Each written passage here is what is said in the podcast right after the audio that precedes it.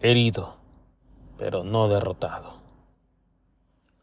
La vida nos presenta pruebas y desafíos que nos dejan sintiéndonos rotos y heridos.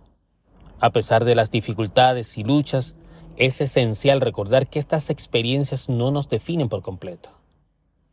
Podemos llevar cicatrices, ya sean emocionales o físicas, pero éstas sirven como testimonio de nuestra resistencia y fortaleza. Así como un jarrón roto puede ser reparado y seguir siendo tan hermoso como antes. Nuestro quebranto no significa el final.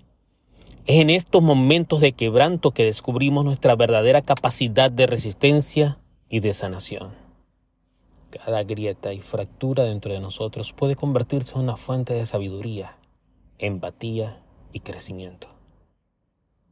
Nos enseñan a comprender a otros, que enfrentan luchas similares y nos permiten irradiar una luz de esperanza a través de nuestra fortaleza.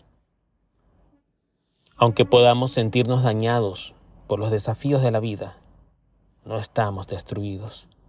Tenemos el poder de superar nuestras dificultades, reconstruirnos y surgir más fuertes, más compasivos y más resilientes que nunca.